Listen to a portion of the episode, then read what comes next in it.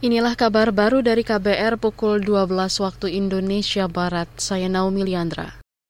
Upaya evakuasi Kapolda Jambi dan rombongan yang helikopternya mendarat darurat di Gunung Kerinci akan difokuskan mencari tempat landai. Juri bicara Polri Dedi Prasetyo menyebut evakuasi terkendala cuaca dan tempat yang sulit dijangkau. Karena di lokasi sekarang, ya selain vegetasi di Taman Nasional FP seperti Teguh Rapat, dan juga masih ada uh, dikatakan lereng which kita jauh. Kita mesti mencari titik di mana lokasi yang lebih landai sehingga dilakukan pembersihan dulu. Peli kalau saya menghentikan sondat mendarat kalau tidak dievakuasi dengan menggunakan tanti darat. Itu tadi juri bicara Polri Dedi Prasetyo.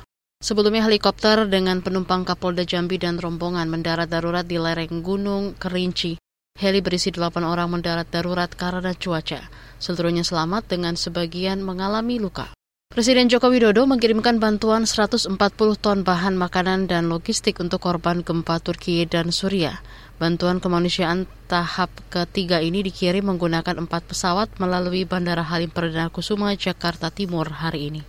Pada pagi hari ini kita akan mengirimkan empat pesawat ke Turki dan ke Suriah yang berisi 140 ton bahan makanan dan bahan-bahan logistik lainnya yang sangat diperlukan di sana.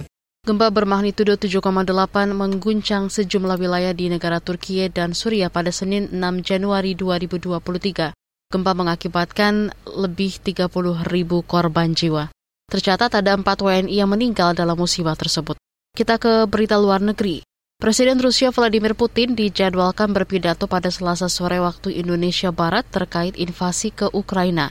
Putin akan melaporkan perkembangan invasi memasuki tahun kedua kepada parlemen. Pidato disampaikan usai Presiden Amerika Serikat Joe Biden mengunjungi Kiev, ibu kota Ukraina. Putin juga akan memberikan analisisnya tentang situasi internasional dan menguraikan visinya tentang pembangunan Rusia. Laporan itu disampaikan kepada parlemen setelah Barat memperlakukan sanksi besar-besaran terhadap negeri beruang putih. Demikian kabar baru KBR, saya Naomi Liandra.